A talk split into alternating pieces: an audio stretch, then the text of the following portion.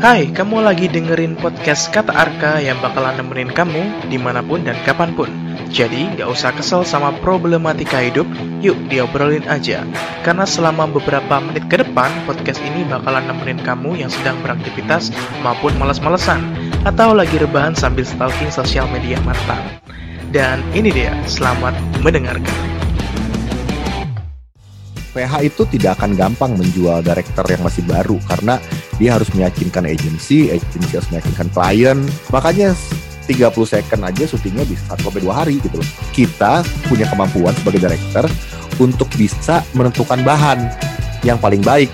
Tapi klien itu kan tidak bisa punya kemampuan. Tapi permasalahannya di, di protokol iklan itu semua pihak harus kasih approval kalau video klip itu konsep sepenuhnya biasanya diserahkan ke sutradara. Anak bandnya suka ngasih ide, ngasih referensi, diskusi, ngasih masukan. Cara gue menginterpretasi lagunya Noah pasti akan mempergunakan bahasanya Noah.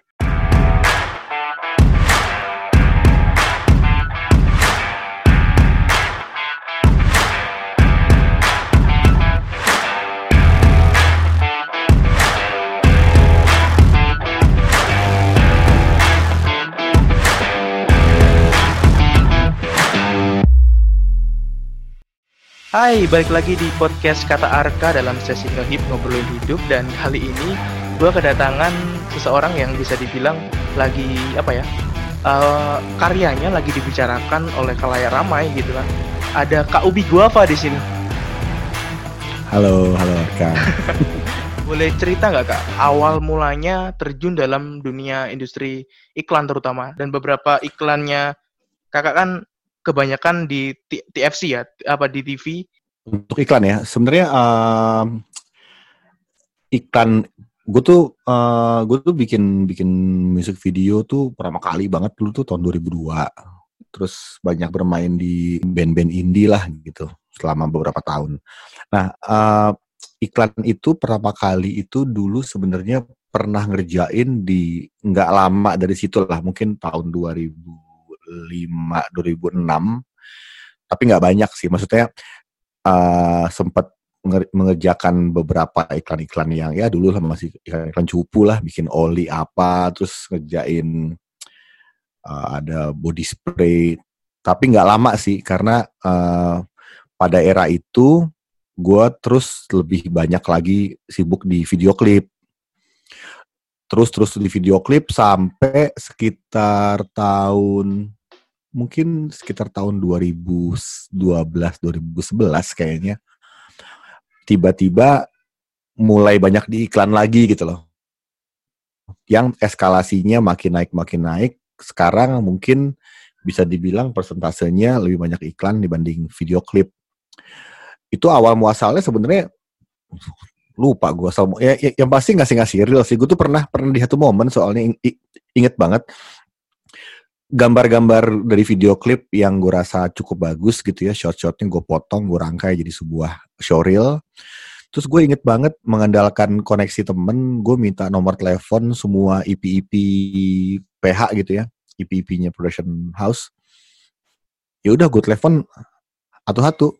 Gue telepon kenalan nama saya Upi ini uh, masih baru ngedirect ya gitu.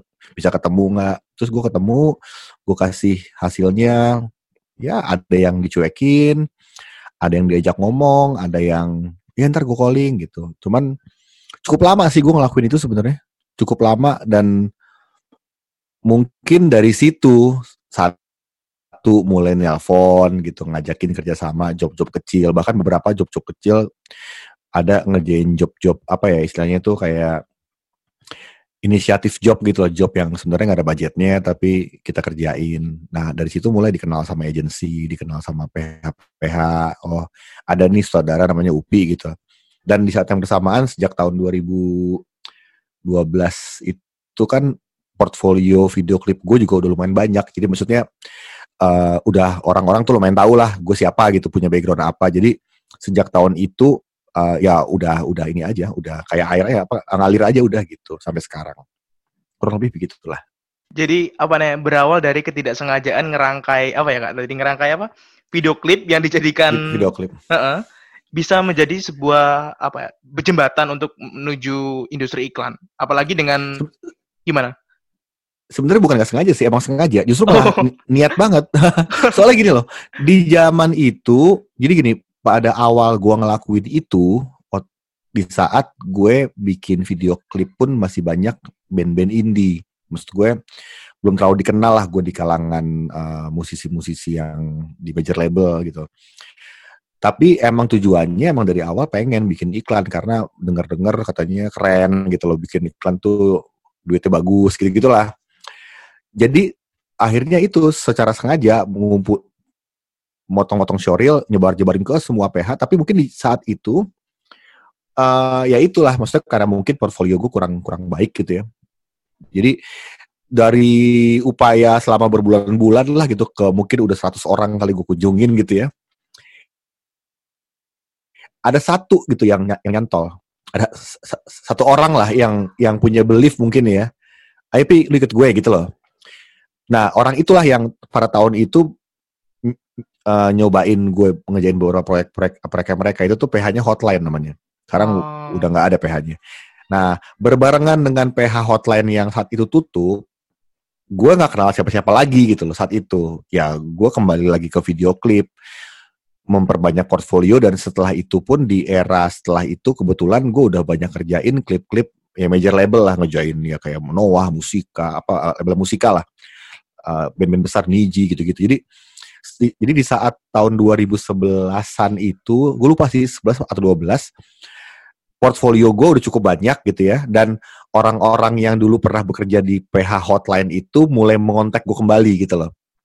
Ayo dong bikin iklan lagi gitu loh. Nah, melalui mereka lah akhirnya mereka tuh udah tersebar ke dua tiga PH berbeda. Jadi dari situlah mulai gue ngerjain satu abis itu oh Upi bikin iklan aja mulai gitu loh jadi dan orang-orang yang dulu pernah gue kasih portfolio gue yang gue dicuekin itu kan gue kenal kan kan pernah kenalan. Ya. akhirnya mereka mereka juga yang ngontek gue balik gitu loh. Mungkin dulu dipikirnya ah ini masih cupu nih gitu kali ya. Susah jualnya. Tapi setelah dengar gue bikin iklan mungkin mereka ngelihat oh ini bagus nih gitu. Uh, mungkin ya gue nggak tahu ya. Yang pasti jadi akhirnya ke, sebagian besar orang-orang yang bekerja sama dengan gue sekarang adalah orang-orang yang dulu-dulu emang pernah gue kontak gitu, pernah pernah gue samperin, tapi kejadiannya tahun 2007, tapi karena ya kita tetap berhubungan lah, saya tetap coba kontak terus apa kabar apa, ya jadi sampai sekarang jadi kerja bareng gitu. Panjang sih kalau iklan soalnya. jadi apa ya? Seperti membangun relasi dari keseng tadi kesengajaan ya, kesengajaan menghubungi satu persatu walaupun ada apa ya, tidak ada apa ya tanggapan mungkin dan ada satu orang yang akhirnya membuka jalan Kak Upi ke dunia industri ini apa namanya iklan tersebut gitu. Iya, betul. Karena hmm. gue sih ngerti ya, saya bisa memahami gitu kenapa mereka nggak kontak karena di industri ini kan it's about kredibilitas tentang akan sulit lah maksudnya gini agent uh, eh, PH itu tidak akan gampang menjual director yang masih baru karena dia harus meyakinkan agensi, agensi harus meyakinkan klien, jadi emang gue bisa memahami kalau mereka tidak mengkontak gue saat itu gitu. Dan di saat di tahun 2011-an gue mulai mengerjakan iklan lagi dan mungkin hasilnya mereka lihat, ah ini saatnya nih gue bisa jual si Upi nih gitu loh. Dia udah punya portfolio gitu loh. Jadi emang tidak bisa di ya gue gue gue pribadi emang memahami.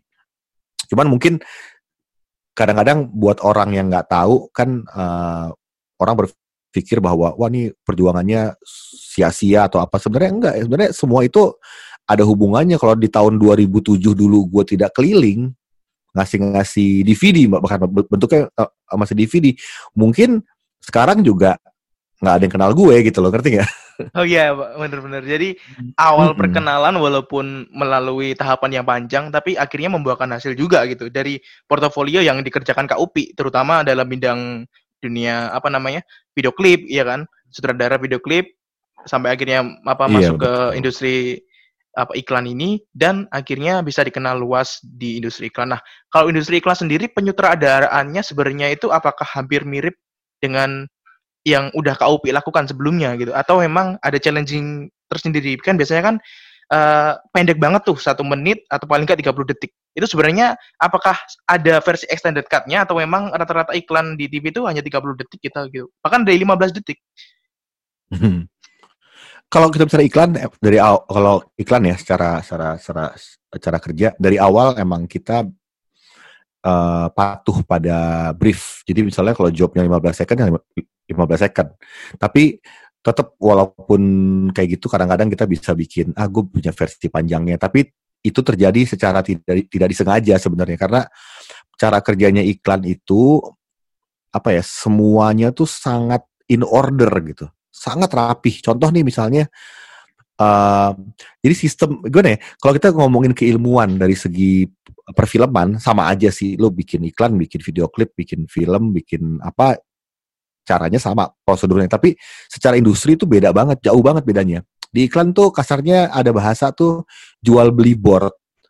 Jadi misalnya dikasih nih gue konsep nih konsep uh, dasar untuk iklan dengan durasi 30 second gitu ya dari situ uh, tugas gue setelahnya setelah udah di, di, di brief dan diterima apa sebagai director gitu ya gue membuat treatment kan nih gue akan nge seperti ini, referensinya kayak gini. Dan gue membuat storyboard, namanya director's board. Nah, misalnya gue membuat director's board untuk 30 second, ada sekitar 15 frame misalnya. 15, 15 shot gitu ya. Itu yang gue jual sebenarnya. Itu yang didiskusikan oleh banyak pihak sama agensi sama klien dipertimbangkan apakah adegannya gini atau gitu, apakah butuh penambahan shot atau enggak. Nah, saat kita udah ngomongin 15 board atau 20 board kesepakatan di tahap pre-production, board itulah yang harus saya selesaikan di waktu syuting. Oh. Jadi jual beli. Jadi misalnya shot pertama gitu, adegan yang ini nih ada boardnya, adegannya misalnya apa gitu ya. Itu satu shot aja bisa makan waktu 1 sampai dua jam. Dan harus di-approve oleh agensi dan klien per shot. Jadi bukan kayak syuting video klip atau film yang mungkin director bisa sesuka dia mengganti adegan, nambahin shot, ngurangin shot, atau oh ini nggak asik nih ganti itu nggak bisa. Kita udah bener patuh sama board ini, adegannya ini, bajunya ini, angle-nya gini, disepakati di pre-pro itu harus saya jalankan. Jadi wow. ulang hanya adegan orang nengok terus ketawa aja bisa satu jam. Kurang ini ketawanya ada komentar ada ini ini. Sampai jadi setiap saya ngambil gambar saya marking in in outnya. Misalnya in outnya segini nih kebutuhan shotnya tiga second gitu ya. Hmm. gue in out gue looping. Gue looping di komentarin rame-rame. Agensi komentar klien komentar. Tapi ini gimana nih gini, gini. sampai udah oke okay, setuju udah salaman board satu kebeli kasarnya gitu loh. Oh. di storyboard gue gue coret gue coret pret gitu. Artinya sudah terjadi kesepakatan board ini terjual. Lanjut berikutnya gitu. Makanya 30 second aja syutingnya bisa satu sampai dua hari gitu loh. Karena wow. ya sangat prosedural sangat well plan sangat ya gue bisa bilang bahasa gue kaku ya. Tapi hmm. begitulah industrinya gitu beda sama video klip gue bisa tahu-tahu di lapangan ah nih kayaknya adegannya nggak dapet dapet ah ganti adegannya nih boleh-boleh aja nggak ada yang larang juga gitu. Gitu. Jadi kalau di industri kan apa di pasca produksi dan produksi itu sebuah apa ya continuity yang nggak bisa terpisahkan ya kak? Dari apa ya dari awal tadi ngedirect terus habis itu pembuatan storyboard dan harus sesuai bahkan harus sesuai dari wardrobe dan semuanya itu kalaupun terjadi apa miscontinuity berarti di tag ulang lagi walaupun apa namanya adegannya sama. Ulang lagi ulang lagi sampai akhirnya mem, apa ada kesepakatan itu tadi kan terbeli gitu. Iya tapi tidak mungkin miscontinuity karena segala macam aspek sudah kita oh. uh, rencanakan saat pre-production. Sedetail itu sampai kasarnya gini rambutnya modelnya kayak gimana pun sebelum syuting kita workshopin kita videoin kita kirim ke klien. Oke okay nggak gitu? Sebelum syuting jadi Sebelum saat syuting, iya, jadi saat syuting kita punya semacam buklet, namanya buklet gitu ya, uh, tebel, isinya semua kesepakatan dengan klien. Bajunya kita ngasih lima opsi, klien milih yang warna biru misalnya. Itu ada di buklet. Jadi udah kita hanya ngejalanin semua bentuk kesepakatan yang sudah kita kita diskusikan sebelum syuting. Jadi bisa, bisa dikatakan uh, apa ya? Bisa dikatakan harus proper bener-bener proper dan apa namanya kerumitannya itu memang sebuah proses ya sebuah proses bahwa hasilnya pun bagus gitu. Dari 30 detik itu bisa bisa menyampaikan pesan bisa menyampaikan apa namanya apa yang diinginkan brand atau klien terhadap apa iklan yang diinginkan muncul di TFC gitu maksudnya di TV gitu. Di TV iya benar benar. Ya karena emang iklan itu sebenarnya ya uh, gue secara pribadi butuh waktu cukup lama buat adaptasi dengan industri iklan. Karena buat gue pada awalnya sangat membingungkan gitu. Terusnya gue terbiasa bikin video klip 4 menit syuting sehari, tapi maksud gue gue bisa punya ruang untuk eksperimen di lapangan, baru nyobainnya di lapangan, kadang-kadang baru ngelihat muka modelnya pun di lapangan gitu, nggak ketemu sebelumnya gitu ya. Pada awalnya ya, sebelumnya ya, kadang bahkan gue pernah di awal-awal karir bikin video klip baru tahu lokasinya saat syuting gitu jadi okay. penuh ketidakpastian penuh improvisasi penuh spontanitas gitu ya pada awalnya sebelum gue bikin iklan di iklan gue tuh diajarin soal plan perencanaan yang sangat matang sebenarnya memang seperti itulah sebuah produksi harus dijalankan gitu. Okay. Uh, jadi kayak simulasi untuk sebuah produksi yang lebih besar lah film karena gimana ya kayak gini. Apa yang akan kita lakukan di editing color grading uh, apa butuh grafik di buat di online gitu ya butuh tipografi dan lain-lain sudah kita rencanakan sebelum syuting. Semuanya sudah well plan nanti bakal ada teks. Teksnya fontnya apa? Warnanya apa? Bajunya bakal kayak gini? Bahannya apa? Warnanya apa? Hat kita grading. Jadi istilahnya kayak gue itu di iklan selalu membuat semacam simulasi jadi kayak demo lah demo. Jadi kayak okay. bikin ada namanya videometik ada juga kadang-kadang setelah talentnya dipilih oleh klien udah sama-sama setuju sama talent ABCD gue bikin workshop. Bikin workshop pun tuh bisa dua tiga kali. Ada workshop adegan ada workshop make up dan wardrobe. Wow. Fitting baju. Habis itu adegan kita simulasi dari awal sampai akhir adegannya kayak apa. Di situlah saya mungkin bisa punya ruang buat ngebentuk mood gitu loh. Workshopnya. Jadi saat syuting kita hanya benar-benar mengulang dari semua bentuk perencanaan yang telah disepakati bersama. Jadi sebenarnya hanya pengulangan aja, diulang aja semuanya.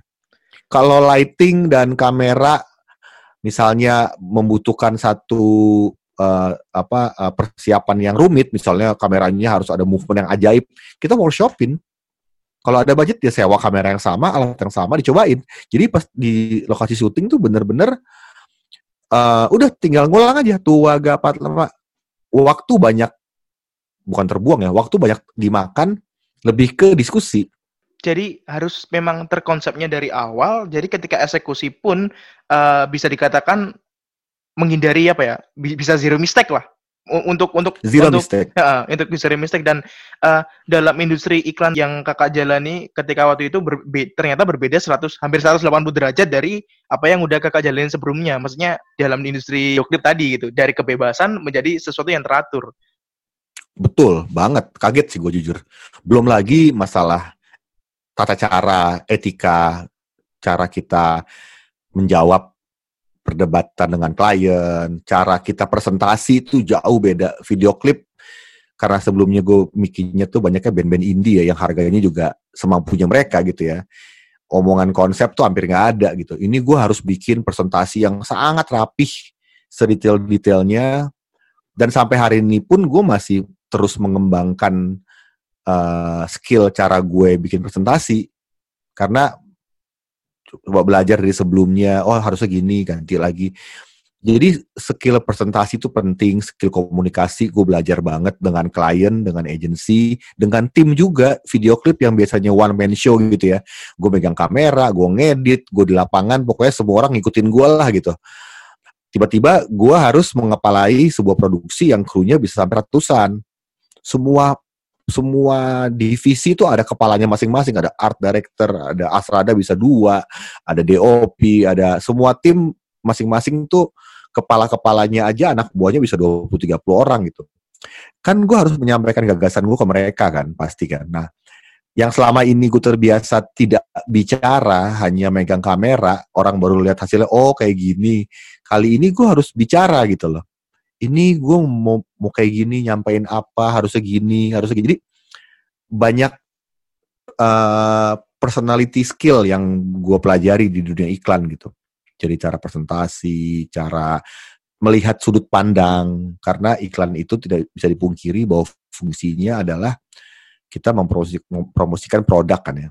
Jadi ada beberapa apa ya ada tips-tips unwritten tips lah yang di sekolah juga mungkin nggak ada gitu. Kalau food gimana biasanya, kalau kalau kalau otomotif gimana, kalau kalau clothing gimana, udah gitu bicara soal apa namanya uh, brand identity gitu apa uh, identitas sebuah brand gitu ya karakteristik sebuah brand. Kalau gue bikin restoran kalau Kentucky Fried Chicken gimana McDonald gimana mereka masing-masing punya karakteristik yang gue harus pelajari betul. Jangan sampai gue ngetrit sebuah iklan McDonald dengan cara KFC gitu. Itu kan nggak ada sekolahnya kan. Karena jadi, mereka semua masing-masing itu punya karakteristik sebenarnya. Jadi learning by doing gitu. Lebih ke apa yang udah pernah dialami akhirnya dipelajari lagi gitu, Kak. Iya, learning by doing nanya nanya sama orang, diomelin terus jadi pelajaran. Banyak lah pokoknya totally buat gue totally hal baru karena dari awal gue berpikir ah gue hanya perlu mengasah kemampuan visual gue aja untuk jadi director. Ternyata enggak gitu loh. Ada hal-hal lain gitu ya di luar kemampuan yang udah dipunya ternyata harus punya kemampuan ini dan ini apalagi dalam hal apa public speaking mungkin gitu. Banget banget banget. Nah untuk produksinya tersendiri seberapa panjang sih kak dari pasca produksi produksi sampai setelahnya dan bisa dipublikasikan tuh?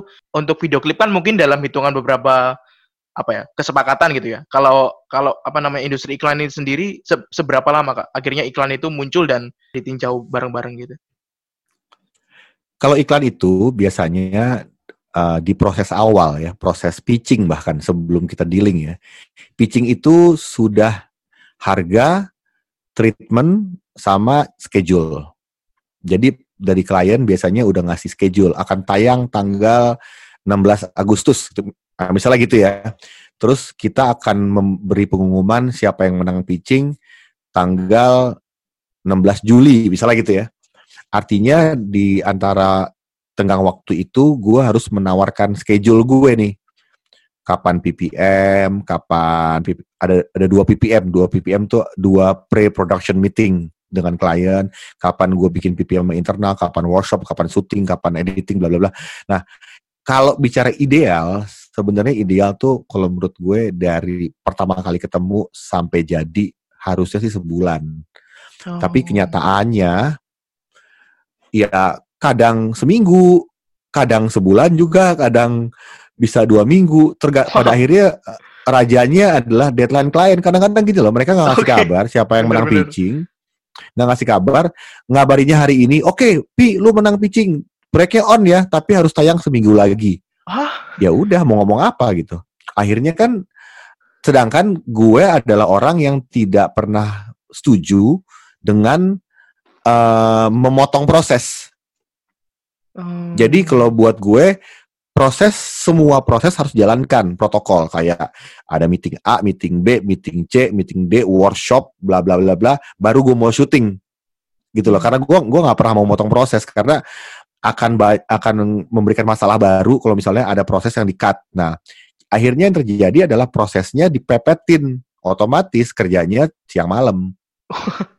kan tidur ya. nah, kan tim banyak yang maksudnya ya bukan gua nggak tidur, kan uh, contoh nih misalnya biasanya kita punya waktu 4 5 hari buat casting misalnya. Terus yang biasanya open casting 2 3 hari orang datang gitu kan. Ya kalau waktunya cuma seminggu, casting mau nggak mau sehari dan mungkin prosesnya bukan casting.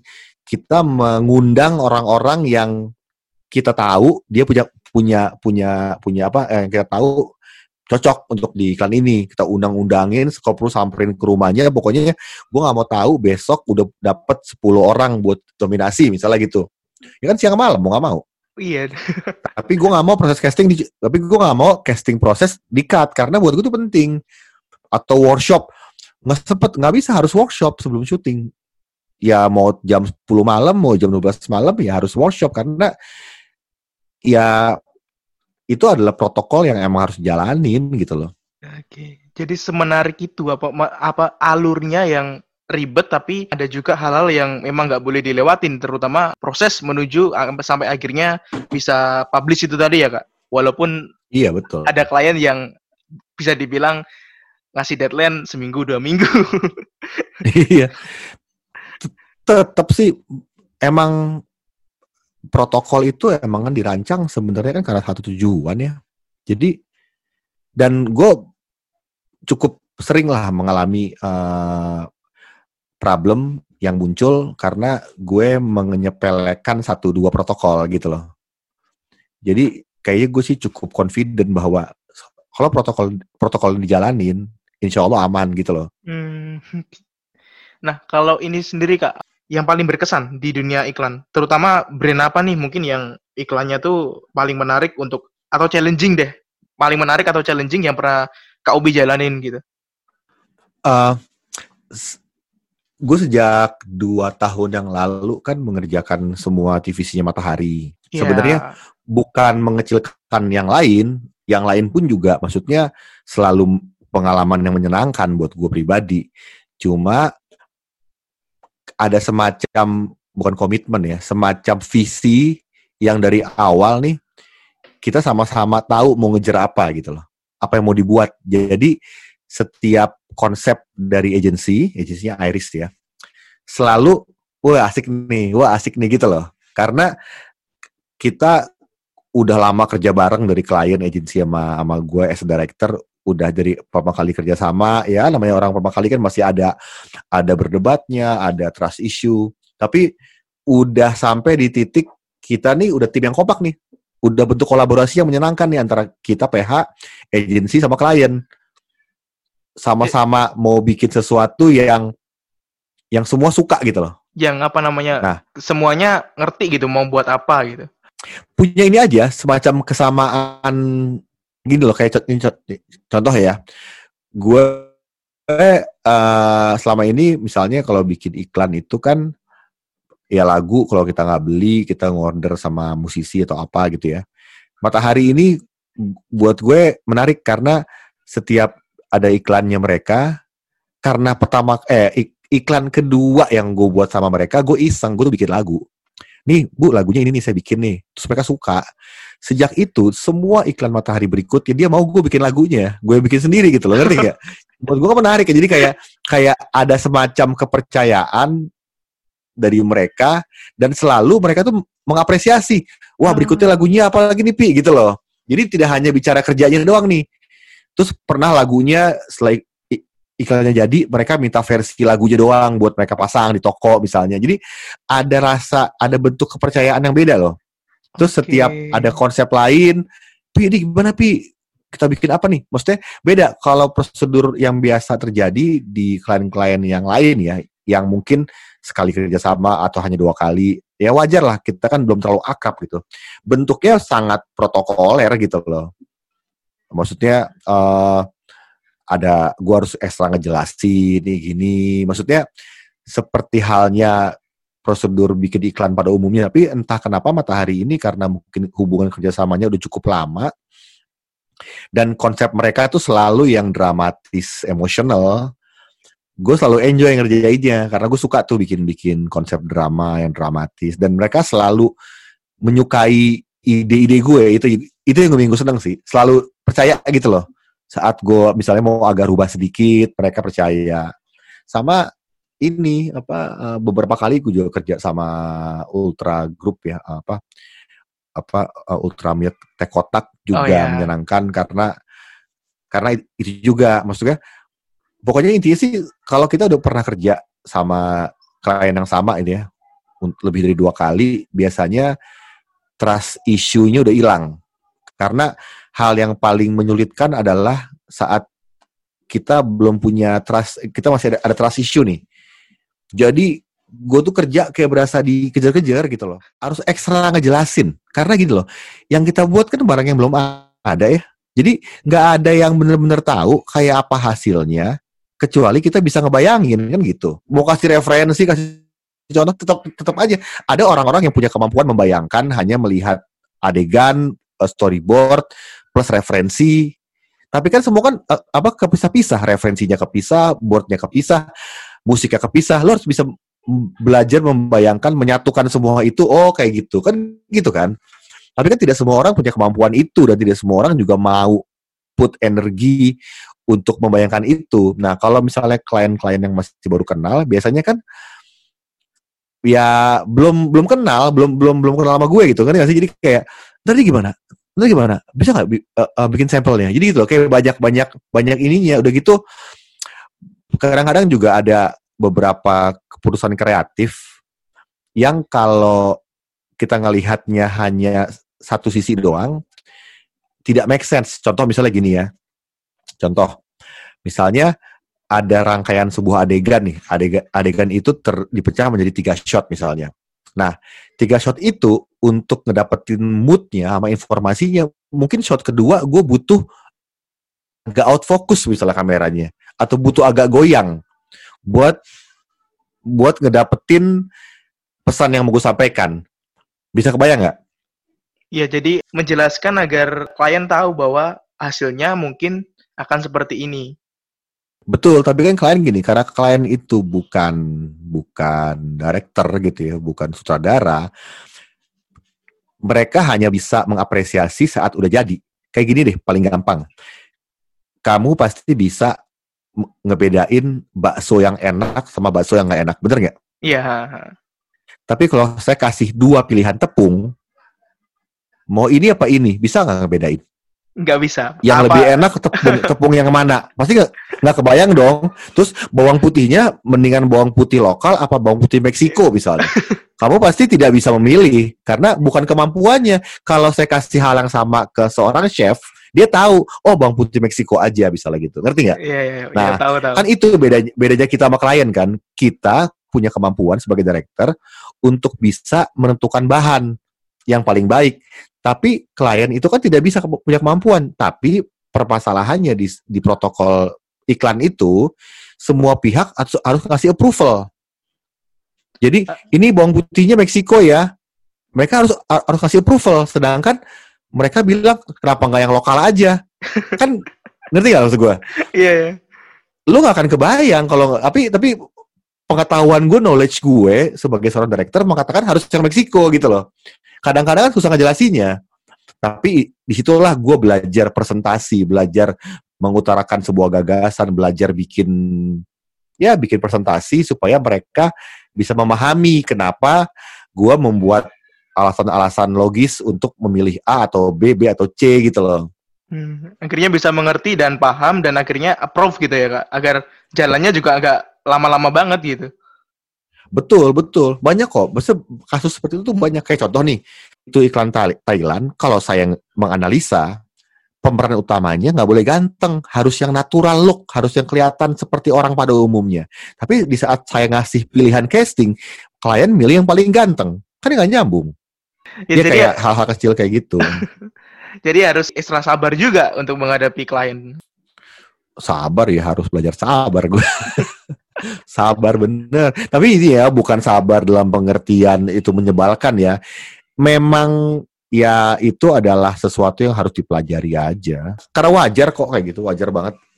Ya, tapi kalau untuk hasilnya sendiri rata-rata sampai saat sampai sampai saat ini berarti hampir semua klien itu mungkin bisa dibilang mengajak KUP lagi untuk apa nah bergabung gitu di iklan-iklan mereka karena mungkin merasa bahwa iklan yang KUP hasilkan ternyata memuaskan bagi mereka bagi klien juga gitu. Ya, alhamdulillah sih. Maksudnya alhamdulillah sebagian besar dari pekerjaan gue di iklan rata-rata mereka mengajak gue lagi di ini ini ini setelahnya gitu loh. Tapi nggak semua dan dapat dipahami karena di dunia iklan itu pemilihan sutradara itu juga dilihat dari stylenya.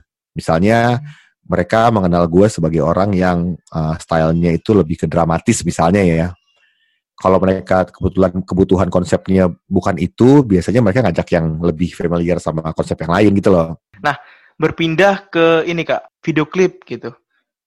Uh, hmm. Banyak orang bingung sebenarnya dalam video klip ini lebih mengandalkan cerita atau lebih mengandalkan feels dalam lagunya. Maksudnya biasanya kan ada yang menggambarkan secara alur lagunya nih atau ada yang tiba-tiba abstrak.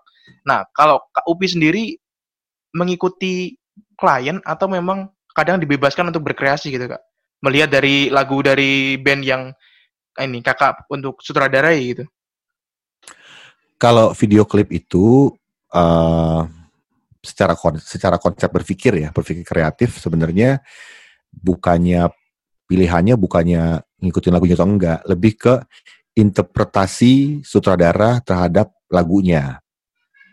Misalnya, uh, jadi nggak ada istilah bikinnya nyambung apa nggak nyambung itu bukan bukan pilihan gitu. Harus nyambung lah. Tapi harus nyambung itu kan tergantung sama interpretasinya kan. Seperti halnya contoh kamu gitu ya.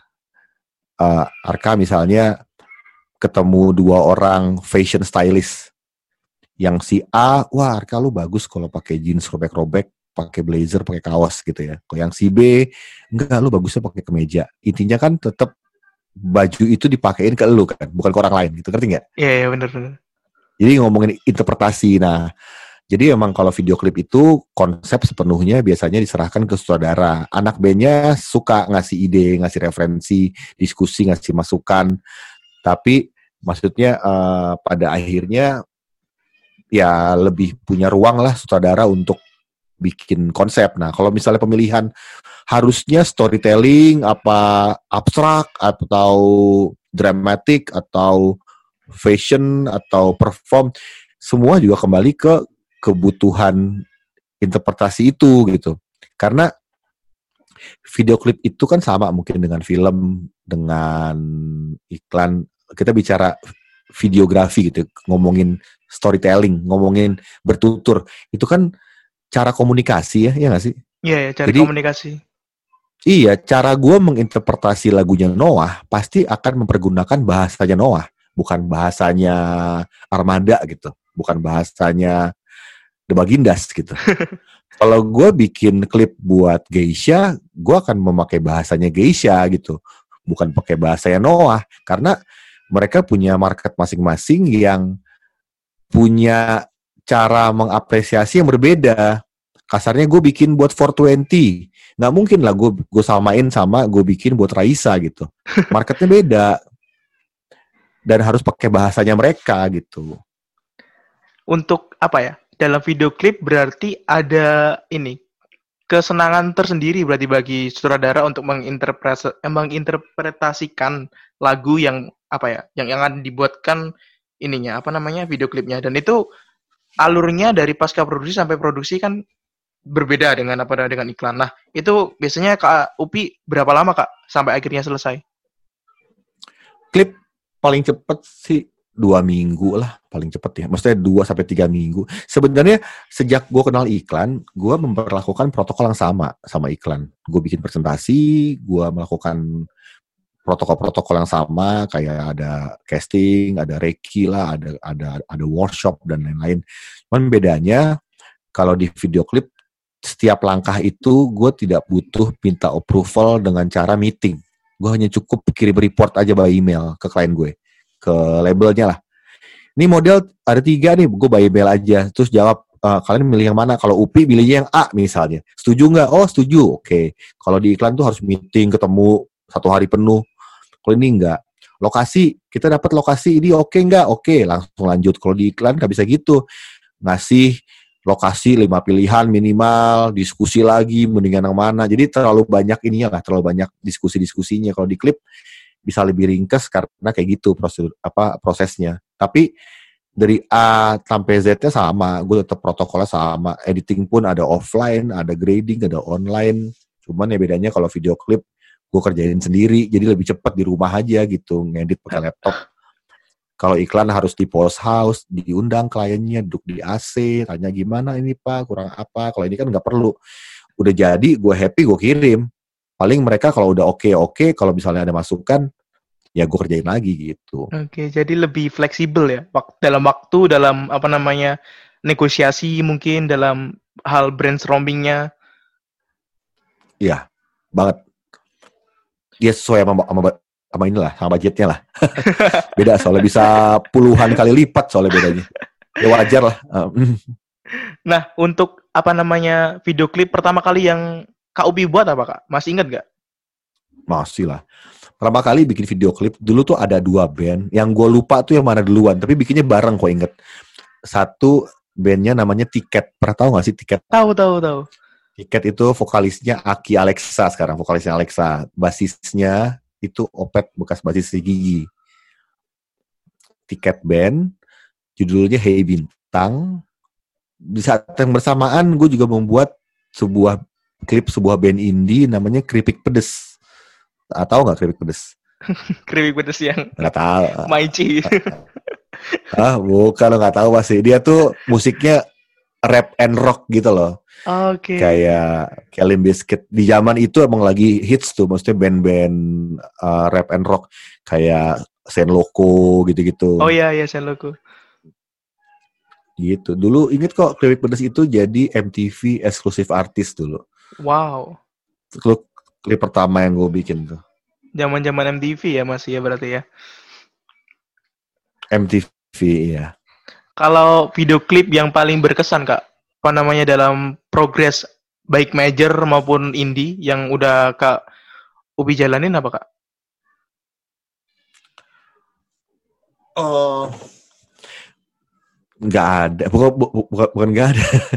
bukan nggak ada. Eh, gimana ya? Gue tuh orangnya, gue nggak tahu apakah orang lain juga sama apa enggak ya. Gue tuh orang yang nggak pernah mau ngeliat kalau udah jadi. Jadi gue bikin nih sampai Oh. gue sampai selesai, sampai selesai, sampai dikasih deadline sebenarnya. Karena kalau dengan dikasih deadline, gue akan bikin terus orek lagi, benerin lagi, benerin lagi. Mungkin nggak selesai selesai gitu. Sampai titik waktu yang dipentokin lah kalau deadline-nya besok lusa jam 12 siang jam 11-nya mungkin masih gue utak atik gitu gue kasih biasanya abis itu gue tuh nggak bisa ngelihat nggak tahu kenapa kayak kayak eh, kalau ngelihat tuh kayak bete gitu loh. kayak aduh ini harusnya diginiin gitu kayak kayak banyak kurangnya gitu loh kayak merasa masih ada yang harus diperbaiki gitu loh Ya, ya, itu problematika sutradara ya. Ketika editing, tahap editing, ah ini harusnya gue bisa gini nih, bisa bisa lebih ini nih gitu. Iya, selalu ada. Ah, jadi gue tuh nggak pernah mau ngeliat sampai mungkin setahun kemudian buka-buka YouTube, eh ini lu, ini gue yang bikin nih, nonton lagi. Oh, baru bisa nikmatin gitu loh. jadi kalau dibilang paling berkesan, nggak ada. Ya masing-masing punya cerita lah. Iya, punya cerita. Setiap karya, ah, ah. setiap karya ada ceritanya masing-masing lah. Kalau band yang paling asik didirektorin, maksudnya uh, mungkin jadwalnya nggak ribet, terus sampai datangnya fleksibel, bukan fleksibel ya, datangnya kan biasanya kan ada yang telat mungkin karena jadwal manggung lah, jadwal promosi dan lain-lain. Uh, band atau musisi, apa kak? Yang paling seru ya. Hmm, rata-rata sih yang kerja sama gue gue soalnya gini loh gue juga orangnya belakangan tuh agak picky sih nggak nggak nggak nggak yang terus ngeiyain ke semua tawaran juga gitu sebenarnya. Uh, terus rata-rata sih udah apa ya oke oke kok maksudnya belakangan lagi sering urusan sama Noah gitu ya maksudnya si Ariel tuh juga sangat menyenangkan buat diajak kerja sama. Orangnya juga enak diskusi segala macam. Anak-anak bandnya juga seru gitu ya buat diskusi. Terus band-band yang sering gue kerjain bareng tuh kayak The Massive, Geisha juga selalu menyenangkan ketemu mereka gitu ya. Terus kemarin gue tuh bikin klipnya Dearly, Dearly Idol tau oh, bikin klipnya Dearly baru syuting syuting eh, tiga hari yang lalu. Sebelumnya pernah ngerjain dia udah agak lama gitu. Terus ketemu lagi masih menyenangkan juga. Maksudnya orangnya all out kalau syuting profesional kayaknya sih yang pokoknya intinya ya sampai hari ini betah bikin artinya nyambung aja frekuensinya Hmm, gitu hmm. sama-sama cocok lah gitu mungkin yang nggak cocok ya yang udah nggak ketemu lagi sekarang nggak tahu Iya, siapa iya, nih iya. lupa gue Waduh, saking banyaknya ya. ah, berhubung tadi udah mention Noah sih kak, apa namanya beberapa kali, mungkin dulu pernah nggak sih waktu Peter Pan kayaknya nggak nggak pernah, nggak pernah. gue baru bekerja sama dengan mereka di saat Noah album Hmm. pertama itu dari mereka dari berlima sampai akhirnya sekarang bertiga. Suasana kalau bertiga sepertinya apa namanya yang kau udara bagi eh kau udara bagiku atau kupeluk hatimu yang Kak Upi ya?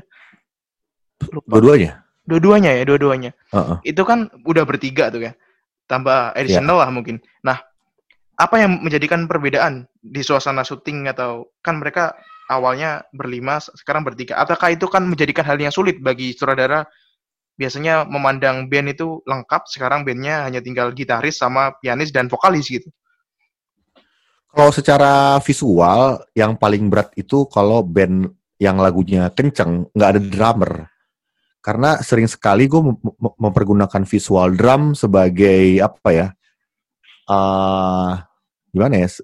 Bagian dari gambar soalnya. Kayak hmm. musik kencang itu kan kalau tidak ada drum yang kelihatan di mata gitu ya, tidak ada katu drum, tidak ada kelihatan orang main drum, kayak hambar gitu, visual sama musik jadi kayak ada yang ngerti gak sih kayak? Oke okay, oke okay, bener. Uh, uh, baru berasa tuh pas di pas Resa tuh keluar, ya kebetulan setelah Resa keluar lagu yang upbeat itu kan yang kau udara bagiku. Iya. Yeah eh Koda Barbecue ya Koda eh. itu eh Koda tunggu dulu lupa. Yang Koda Barbecue tuh yang yang lagu slow. Dulunya apa? Yang dia main hoki itu judulnya. Iya kau udah bagiku. Bener. bener. Iya kau iya bener kau udah bagiku iya. Lupa apa lupa lupa. Uh, itu mereka bawa drummernya mereka uh, drummer iya, iya buat buat tradisional cuman memang tidak ditunjukin close upnya tapi at least secara set tuh ada drumnya di belakang. Okay, gitu. Kalau nggak aneh, kalau nggak aneh, kalau lagu-lagu slow sih nggak masalah karena lagu-lagu slow kan nggak ada urgency harus ada perform scene gitu. Gue bisa yeah, bikin iya, iya. masing-masing yeah, kepisah gitu-gitu.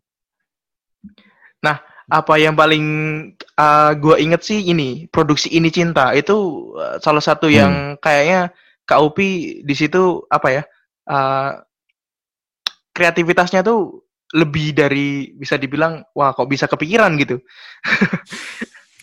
Gue inget sih klip itu udah lama. Gue pertama kali itu tuh klip kedua Noah yang gue bikin. Pertama kali itu tak lagi sama, abis itu ini cinta. Iya bener. Itu yang ini ya, yang yang lukisan-lukisan itu ya? Iya itu ya, wow ya. itu bener-bener beda gitu loh. Apa namanya out of the box lah gitu. Kok bisa kan kalau di yang tak lagi sama itu lebih ke pakai green screen ya rata-rata ya yang tak lagi sama yang ini yang apa kardus kalau nggak salah ya? Pakai iya bikin diorama bikin diorama pakai proyektor jadi uh, bikin kayak experience itu apa sih saya projection di diorama kertas. Hmm. itu itu soalnya sempat dibahas sama teman-teman di di fakultas gitu mau bikin kan ada tugas tentang ini tentang apa namanya video klip. Ingin ya bikin kayak gitu tapi ternyata nggak bisa apa ya nggak bisa mengikuti akhirnya menyerah teman-teman Oh gitu, ya ampun. Telepon gue tau gitu gue ajarin gampang gue bikinnya.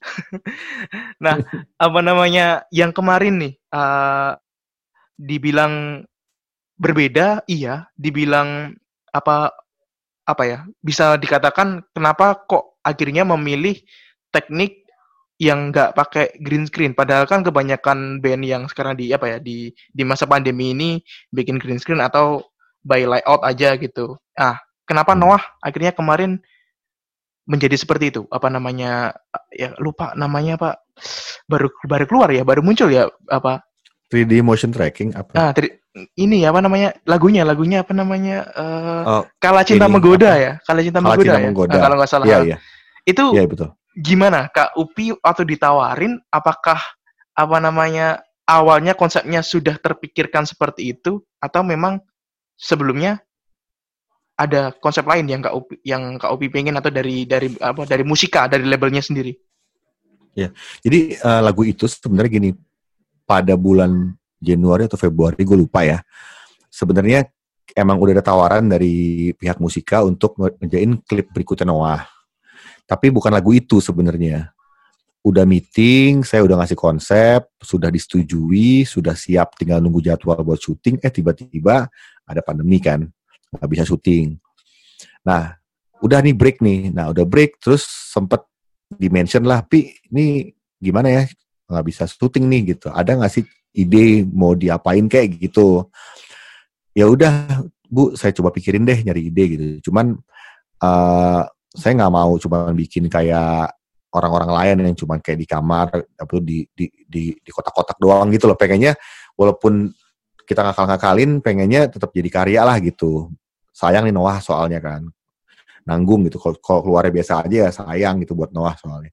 Nah di saat itu tuh karena emang kita semua di rumah gitu ya dipaksa di rumah lebih banyak waktu lah buat mikir nyari ide merenung gitu. Nah di luar itu sebenarnya ada ada ada hal pribadi sih. Jadi gini loh, di saat lockdown itu uh, PSBB, gue secara pribadi nih, personally gitu ya, kok gue tuh merasa seneng karena mungkin selama ini kalau seniman itu kan ada dua dua ada dua hal ada yang sifatnya dia mengeluarkan ide, dia bekerja, tapi juga mereka tuh butuh waktu buat contemplating, buat merenung.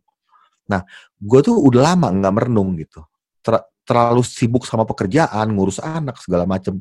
Di satu saat kita dipaksa untuk nggak ngapa-ngapain di rumah gitu. Akhirnya gue ngerasa lebih dekat sama anak gue, sama keluarga gue yang biasanya pulangnya malam. Jadi sehari-hari di rumah kita masak bareng.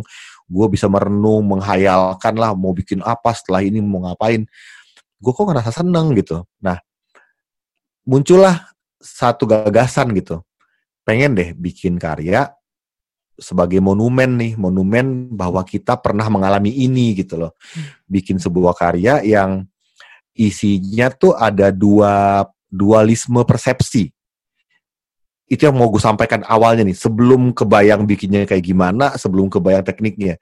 Pengen deh bikin yang ada dualisme persepsi. Sempit tapi luas gitu, di penjara tapi bebas gitu. Karena itu gue rasain.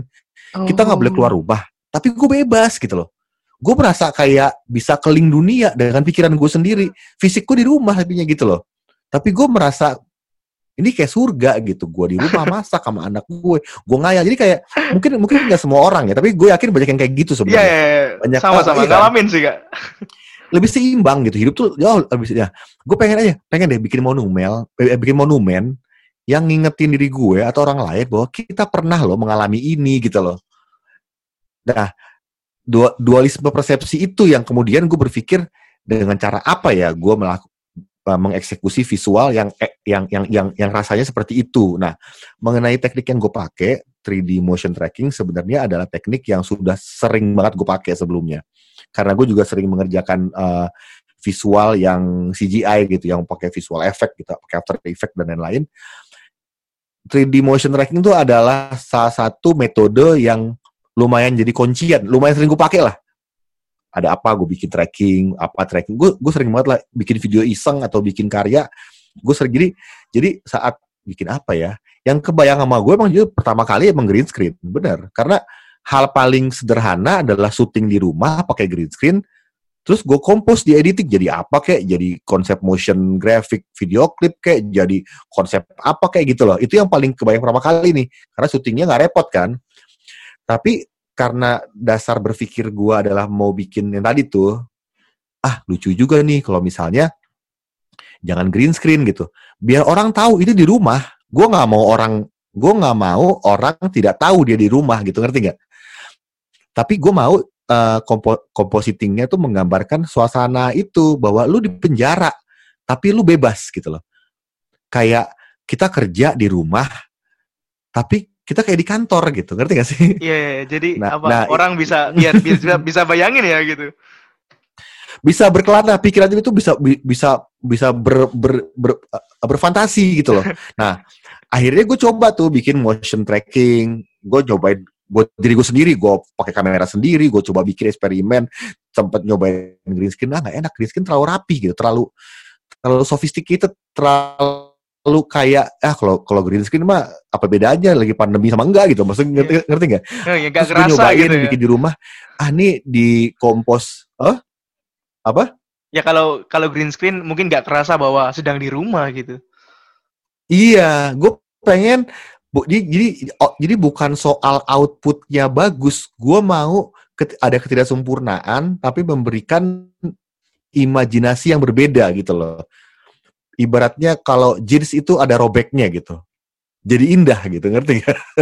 Dan itu yang malah akhirnya yang diperbincangkan oleh kalayak ramai gitu. Oh kok kepikiran ya kok bisa gini ya gitu dan wah aku juga apa ya gue juga kepikiran bahwa kok Kak Upi uh, videonya salah satu hal yang di tengah kayak gini kreativitasnya nggak mati gitu maksudnya bisa bisa seperti ini gitu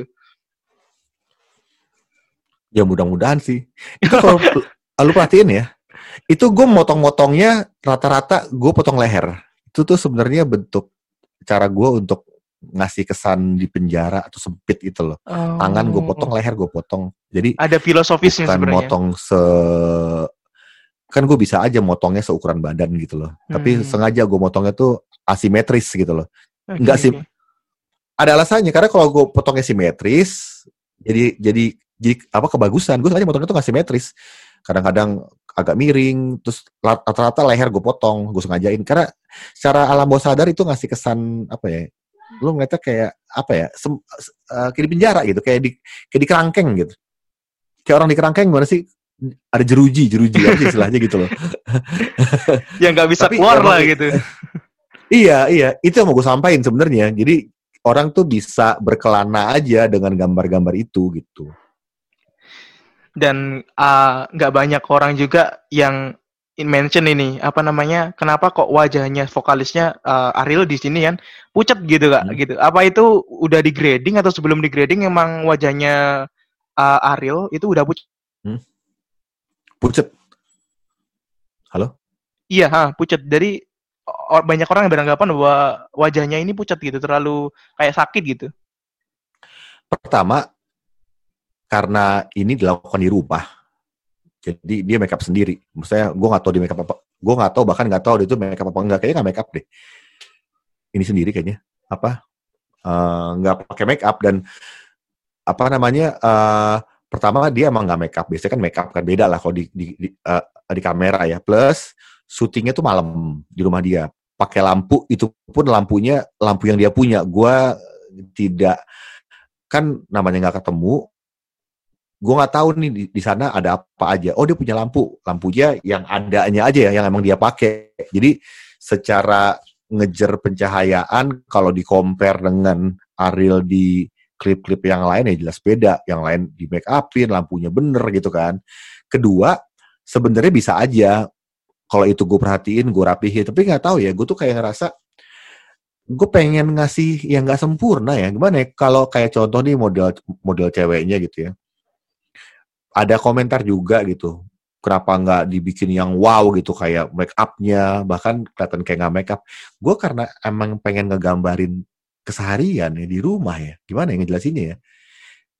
Gue tidak terlalu kepengen terlalu detail pada hal-hal yang sifatnya artifisial karena menurut gue imajinasi itu akan muncul di saat yaitu kesan kesederhanaannya itu. Tembok belakangnya ada lukisan seharusnya bisa aja gue pindahin lukisannya supaya lebih rapi tapi enggak gue sengaja nggak boleh dipindahin. Di belakangnya ada sofa ya biar aja sofa gitu. Ngerti gak sih? Okay. bukannya gitu karena gelap terang karena lampunya nggak sempurna ya nggak ya apa-apa gitu. apa gue itu yang malah mengiteruskan bahwa kalau ada, uh, bahwa di rumah gitu kan syutingnya gitu.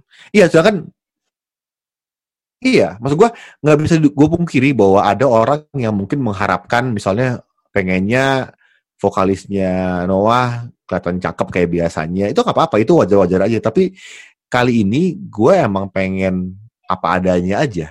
Nggak tahu kayak berasa nggak harus harus apa adanya. Dan saat syuting gue juga tidak terlalu pengen merhatiin itu. Udah pokoknya di mata gue nih kayak bener ya udah gitu loh. Dan itu proses produksinya sendiri gimana kak? Kameranya dari mereka sendiri atau uh, Kak Upi ngirim kamera atau gimana? Atau mungkin ada orang yang masuk ke sana? Atau emang pure memang sebenarnya itu remote semua gitu? Jadi gini, hal pertama yang gue lakukan adalah syuting background dulu. Backgroundnya gue ambil gambarnya, gue edit dulu backgroundnya, gue susun dengan tulisan note di sini ada adegan apa, ada adegan apa gitu. Setelah itu ketemu schedule-nya mereka, ketemu tanggal di hari yang sama mereka semua bisa uh, Ariel di Jakarta, David di Jakarta, modelnya Widika di Jakarta, Lukman di Bandung. Gue mengirimkan kamera berserta seorang kru gue dan laptop. Jadi ada kamera yang sudah gue set up, posisinya vertikal, lensanya udah gue tentukan lensa apa yang kira-kira bisa kepake buat semua shot, udah nyambung dengan video capture, udah nyambung ke laptop. Nah, jadi si siapa pun itu, misalnya Ariel, dia tinggal ngebuka laptopnya, dia bisa ngelihat gue di laptop karena gue udah nyambung pakai Zoom. Oh, jadi emang pakai Zoom, jadi pakai briefingnya pun itu, ah, oke, okay. wow. Kita dari meetingnya pakai Zoom ya udah akhirnya ketemu halo Ariel gitu. Dah ya pi gue ini dulu ya. Apa cukur rambut dulu? Ya cukur rambut tuh udah ngapain lah dia ganti baju? Gue nungguin aja. Udah siap belum? Ya udah adegan yuk mulai. Gitu aja. Simple maksudnya emang udah diinin dan gue pakai OBS juga. Oh. uh, pakai OBS tuh. Jadi di saat gue syuting adegannya si model Widika gue ambil tuh di uh, di pagi hari. Hmm. Nah, malamnya kan Ariel. Nah, supaya adegan interaksi antara Ariel dengan Widikanya nyambung, shot-shotnya Widika gue edit dulu, gue masukin ke OBS, sehingga saat si Ariel ngelihat diri dia di monitor, udah terkompos dengan Widika. Wow. Jadi dia bisa ngebayangin harus pelukan, harus apa. Jadi dia kebayang. Jadi dragnya nggak susah ya karena udah udah ada materinya gitu. Udah, udah gue siapin. Emang udah gue rencanain kayak gitu. Hmm. Ya karena iklan, jadi ngerti. Kalau bikin klip dulu malah ngerti. Gue selalu, gue sampai hari ini selalu syuting tuh uh, pakai ini uh, pre-compose live live preview. Okay. Syuting green screen, gue selalu di monitor di lokasi udah uh, jadi backgroundnya.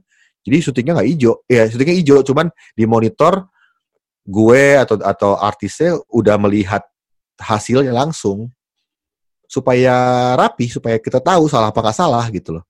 Lightingnya yeah, yeah. bener, apanya bener. Yang sempat di storynya Kak Upi ada Arman Maulana itu kalau nggak salah. Ya itu kayak kayak gitu. So simple kok tuh. Sebenarnya cuman kita hanya butuh ya itu, hanya butuh video capture. Sekarang juga udah murah ya. Ada yang harganya 1,3 juga udah ada. Sama software-software gratisan kayak OBS gitu-gitu. Simple kok. Nah, kalau yang kemarin sempat ada historinya Kak Obi juga apa yang kalau nggak salah Noah konser halusinasi, ya kan? Iya itu tanggal 26 kemarin. Nah, itu Sa konsepnya Kak Upi juga yang yang ini yang mencetuskan. Iya iya. Iya, ya lagi gini, konsep secara judul konsep jadi gini manajernya ya karena kita udah berproses di video klip ini ya manajer ketemu pi kita mau bikin konser online nih Noah pertama kali konser online dan kita pengen konsernya karena pertama kali online kita nggak mau biasa gitu nggak mau yang kayak biasanya lah cuman konser di rumah split screen gitu loh. Gue pengen yang beda nih. Kita mau bikin konser halu. Dia ngomongnya gitu. Halu, halu gimana sih? Gue bilang gitu. Ya halu aja manggung di mana kayak di gunung ntar ganti lagi di laut gitu. Wah seru juga nih gue pikir gitu. Yaudah yuk. Akhirnya gue buatin. Gue minta song listnya. Song list siapa aja? Yaudah ntar yang yang lagi lagu ini uh, backgroundnya ini gitu. Tapi gue lebihin karena gue mau mereka juga bisa request misalnya, oh. pi gue minta di laut ya, udah siapin laut, set, oh, oke okay, gitu. Jadi kayak ya, seru-seruan sebenarnya. Dan itu juga via Zoom berarti? Via Zoom. Eh, uh, iya, pakai OBS gue. Oke, okay. tekniknya live atau memang itu pre-recorded sebelumnya kak? Itu live, live. Wow. Tapi yang ngurusin live bukan gue. Gue hanya ngurusin sampai outputnya OBS. Habis itu ada ada ide lagi. Uh. Berarti apa namanya? Ternyata sebuah apa ya? Karya itu di tengah pandemi kayak gini bisa muncul beragam apa ya? Beragam ide baru gitu. Ide-ide yang mungkin nggak bakalan kepikiran kalau nggak terjadi. Betul. Dan dan yang menariknya adalah teknologinya itu udah lama ada sebenarnya. Tapi nggak dimanfaatkan ketika ada uh, waktunya uh. gitu. Iya, kayak ya kayak ya OBS software streaming itu kan udah lama sebenarnya. Gue gue make make OBS udah lama buat buat buat previs gitu buat kebutuhan gue di, di lapangan green screen. Jadi sebenarnya teknologinya itu udah ada udah establish sebenarnya ya tinggal kita aja ngeramu gitu. Oke okay, oke okay, oke. Okay. nah uh, terakhir kali nih kak, thank you banget udah hmm. jawabin dari iklan, video klip sampai projectnya bareng Noah yang ternyata sukses. Sekarang kalau nggak salah 7 juta subs eh 7 juta set. 7 juta views. Uh, berapa minggu satu minggu ya kalau nggak salah. Satu minggu terhitung. Sorry nggak dengar. Uh, berapa berapa? Uh, kalau nggak salah apa namanya satu minggu terhitung udah 7 juta views Oh ya, 7 juta ya? Iya. gue nggak berani ngelihat eh. Ntar aja deh nunggu 2-3 bulan lagi udah ngeliat. Nah, eh terakhir banget buat nutup ini, apa yang Kak Upi lakukan untuk apa namanya menjaga kewarasan di tengah pandemi kayak gini, terutama eh, walaupun sekarang udah new normal ya, new normal dan bisa ke kantor dan pulang ke rumah, tapi untuk menjaga kewarasan, untuk menjaga Kak Upi agar tetap produktif, ya mungkin bisa di-share ke teman-teman yang ada di rumah, apa Kak? Gue sih, kalau saya tuh malah merasa lebih waras sejak pandemi. Wow, Eh, apa ya? kan lebih soalnya produktif, eh, lebih merasa lebih apa ya? Nggak sebenarnya ah, gini loh. Nggak, gue ngerti sih. Maksudnya banyak banyak orang yang kena kena kena musibah juga karena pandemi kan. Maksudnya secara, secara ekonomi, secara secara kesehatan juga kena. Udah gitu secara pe- perekonomian kan juga berantakan ya. Yang ngerti sih, ngerti sih. Eh, gini loh. Kalau gue pribadi ya, mungkin gini. Setiap orang mungkin beda-beda. Gue adalah orang yang selalu bersemangat sama perubahan. Suka atau nggak sukanya belakangan, tapi gue selalu bersemangat gitu. Ada orang yang mungkin tidak terlalu mencintai perubahan gitu loh. Tapi itu dapat nggak nggak bisa dipungkiri karena rasa takut itu manusia punya rasa takut muncul dari ketidaktahuan kan. Kasarnya saya takut sama buaya karena saya nggak tahu buaya. Kalau pawang buaya ngeliat buaya malah seneng kan gitu kan. Iya kak, iya kak, iya kak, bener. Ya. Maksudnya apa Jadi- namanya perubahan yang terjadi itu diterima oleh Kak Upi dan menjadikan apa ya hal yang baru gitu. Iya karena bersemangat terhadap perubahan artinya kan kita mempersiapkan mental dan dan menghadapi perubahan dengan penuh kesadaran. Kalau orang menolak atau takut artinya kan dia tidak menyadari perubahan itu, dia memilih untuk tidak menerima. Nah, kalau saya adalah orang yang ya walaupun takut disemangat-semangatin karena saya mau menghadapi perubahan dengan kesadaran. Nah, ternyata manusia itu tuh punya kemampuan adaptasi yang sangat tinggi sebenarnya. Siapa pun dia, umur berapapun, agamanya apa pun juga, intinya manusia itu didesain sebagai makhluk yang paling eh, punya tingkat adaptasi yang tinggi. Jadi maksud saya kalau kita ngadepin musibah gitu ya, dapat sialnya kasarnya gitu ya, dapat sialnya dari dari keadaan pandemi ini. Siapa sih yang dapat sialnya? Semua dapat sialnya gitu. Tapi kita mau li- yang mau kita lihat tuh apa problemnya atau solusinya gitu loh. Yang mau kita lihat temboknya atau pintunya gitu loh. Kan kita punya pilihan. Yang Jadi mau dilihat itu Jadi ada pandangan itu, berbeda maksudnya- gitu. Iya, dan salah satu cara saya ngebuktiin ya dengan klipnya Noah itu kurang lebih sebagian ada semacam menantang diri sendiri bahwa dibatasi oleh banyak sekali keterbatasan, tapi saya tuh secara pribadi dari awal nggak mau nyerah bikin yang gitu aja deh, pengennya bikin yang bagus gitu. loh. Eh, gimana ya? Maksudnya saya nggak bilang karya saya bagus ya, maksudnya gue juga tahu lah karya gue banyak kekurangan gitu loh. Tapi itu cara gue melatih, cara gue menantang diri gue gitu, kasarnya gitu loh. Maksud gue, karena gue yakin kreativitas itu muncul justru di saat kita menyadari dengan tekanan-tekanan itu gitu. Ya kebayang, maksudnya mungkin kebayang. mungkin tidak berlaku buat semua orang, tapi gue yakin ini tuh hukum universal gitu. Dalam di mas- masalah apa pun yang kita terima di keadaan apa pun, yang penting ya di balik masalah itu kan ada solusi yang kita belum tahu aja ya udah ya berpikir positif aja cari cari solusi berkreasi karena mungkin loh mungkin loh kita nggak pernah tahu jalan Tuhan mungkin di balik ini udah ada rencana lain yang lebih hebat lagi buat kita gitu Iya bener. Jadi ada sesuatu hal yang mungkin kita nggak tahu ke depannya bakal jadi apa gitu. betul Thank you banget Kak Upi udah sharing-sharing bareng gua di sini Arka Riansyah dan thank you banget udah ad- hadir di podcast kata Arka dalam sesi ngehip ngobrolin hidup dan apa semoga sehat selalu di rumah karena ya seperti yang sebenarnya gue mau katakan bahwa banyak orang di luar sana sekarang ini apa ya berpikiran negatif gitu jadi makanya tadi nanya apa yang membuat Kak Upi bisa menjaga kewarasan di tengah pandemi gitu karena kebanyakan orang udah halu halunya halu, halu luar biasa gitu. Thank you Kak Upi dan Ya, bye.